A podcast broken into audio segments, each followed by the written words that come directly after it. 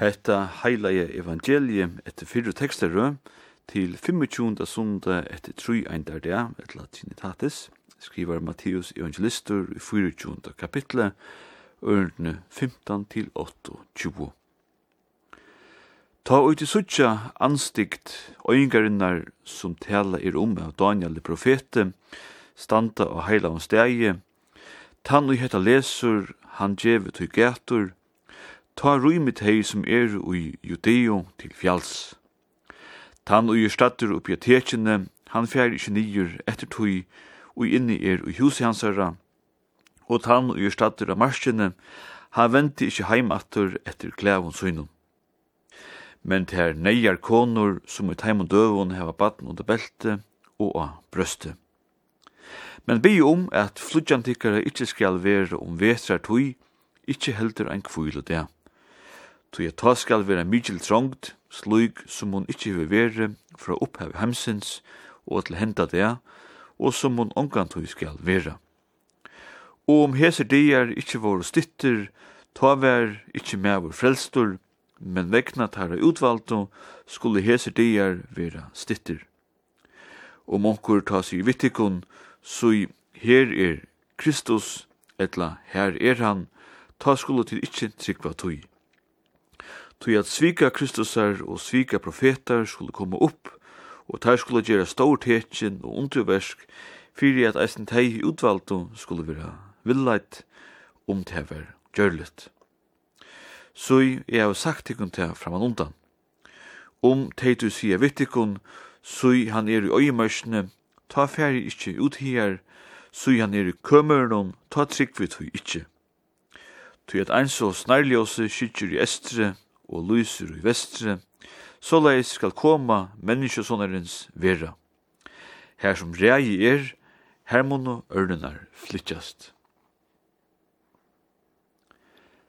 Kyrkjeåret er ferdig Hatla, vi er kommet til 25. sunnodag etter 3 enda dag, som eisen er syste sunnodag i hesson kyrkjeåren.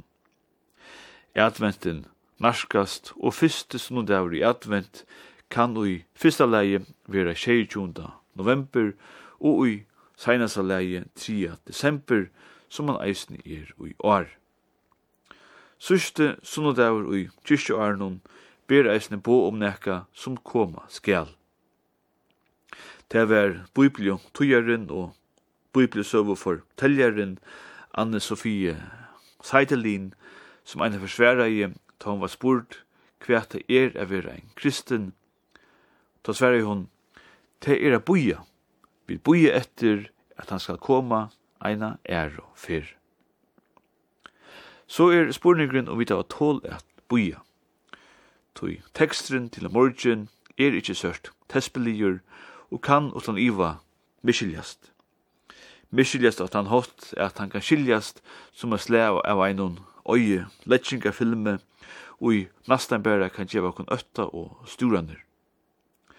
Men åren vi gjerast alt og bensjen er korsen verst at hava i hoa, at alt 24. kapittel tja Matteus som er, er om sust og tøyr, ta menneskesåndren skal komme atur.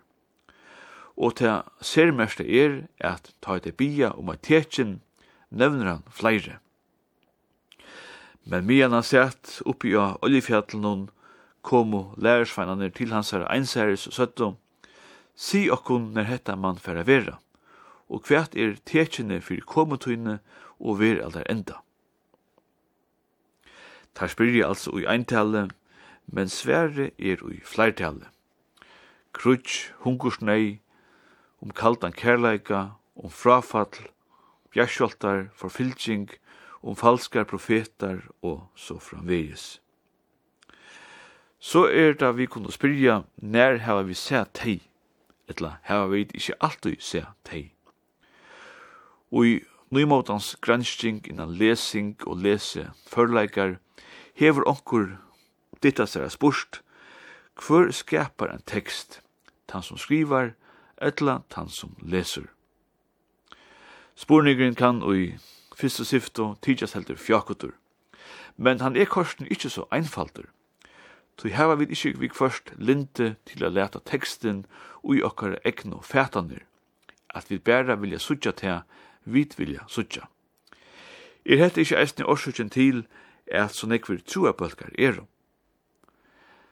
Er det som i hinnon parstnon av Matador, ta gamla, misse møke, stongtet han, nyklakta, brukkommen, læreren Andersen, ut i altanene, bruvar, nottena, og tusentals hitjerar hilde seg hava seg neiertøyre frist og hel utanfyre, men det vurste seg til settene at hentan senan etla bråte vær ongandu filma, etla tidsi opp. Hetta filmsbråte var gjørst opp i høttnun og fölkje. Nei, ta lærersveinan er bi om at tetsin nevni Jesus flere, og gjør det og gjør lytt at seta manava, dea, etla år fyrir hans herra atur komo. Tui til er jo te han tåsar om, atur komo. Ikki om oi legging, men om eina sela atur komo. Te er som onker hef sagt at Jesus tåsar heldur om ivegongt enn om undergongt.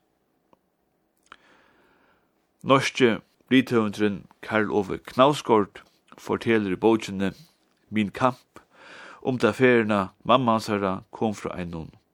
Bjersta tilbore vi løyvenon. Hon var vis ui at dodja. Se utanifra var hennar luiv at pura vanligt luiv.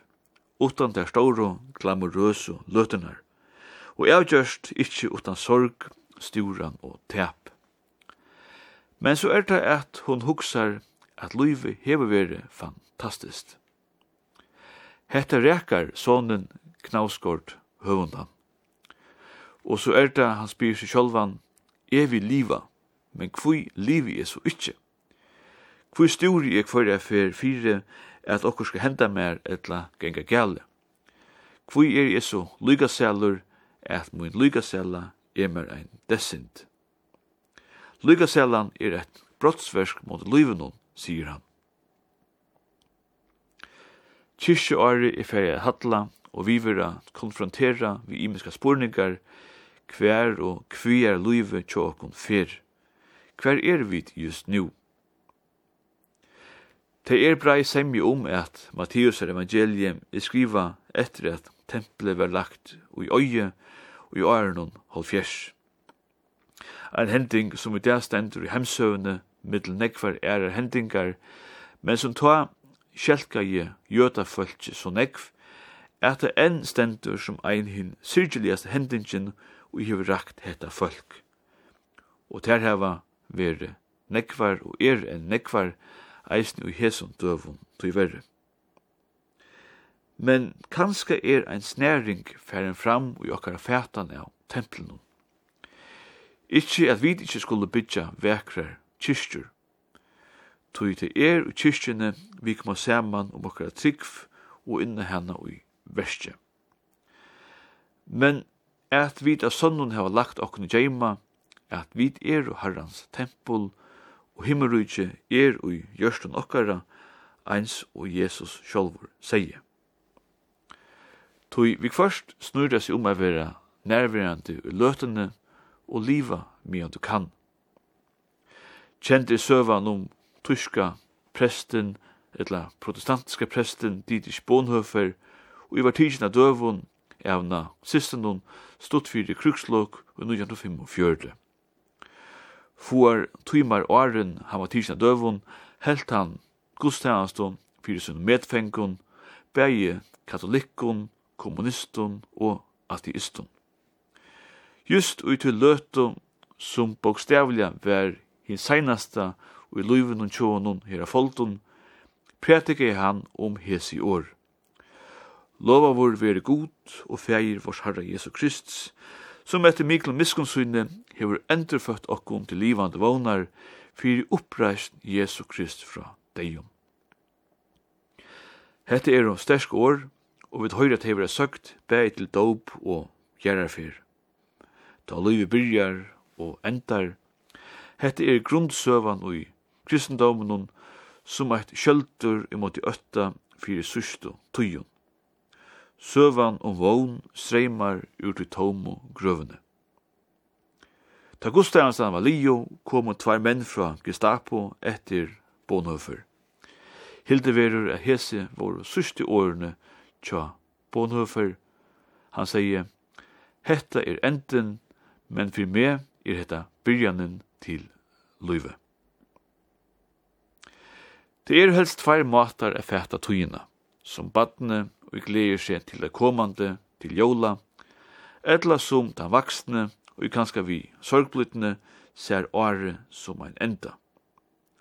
Det er alltid svårt å sia farvel, og det er tenkt at pyno og langsle.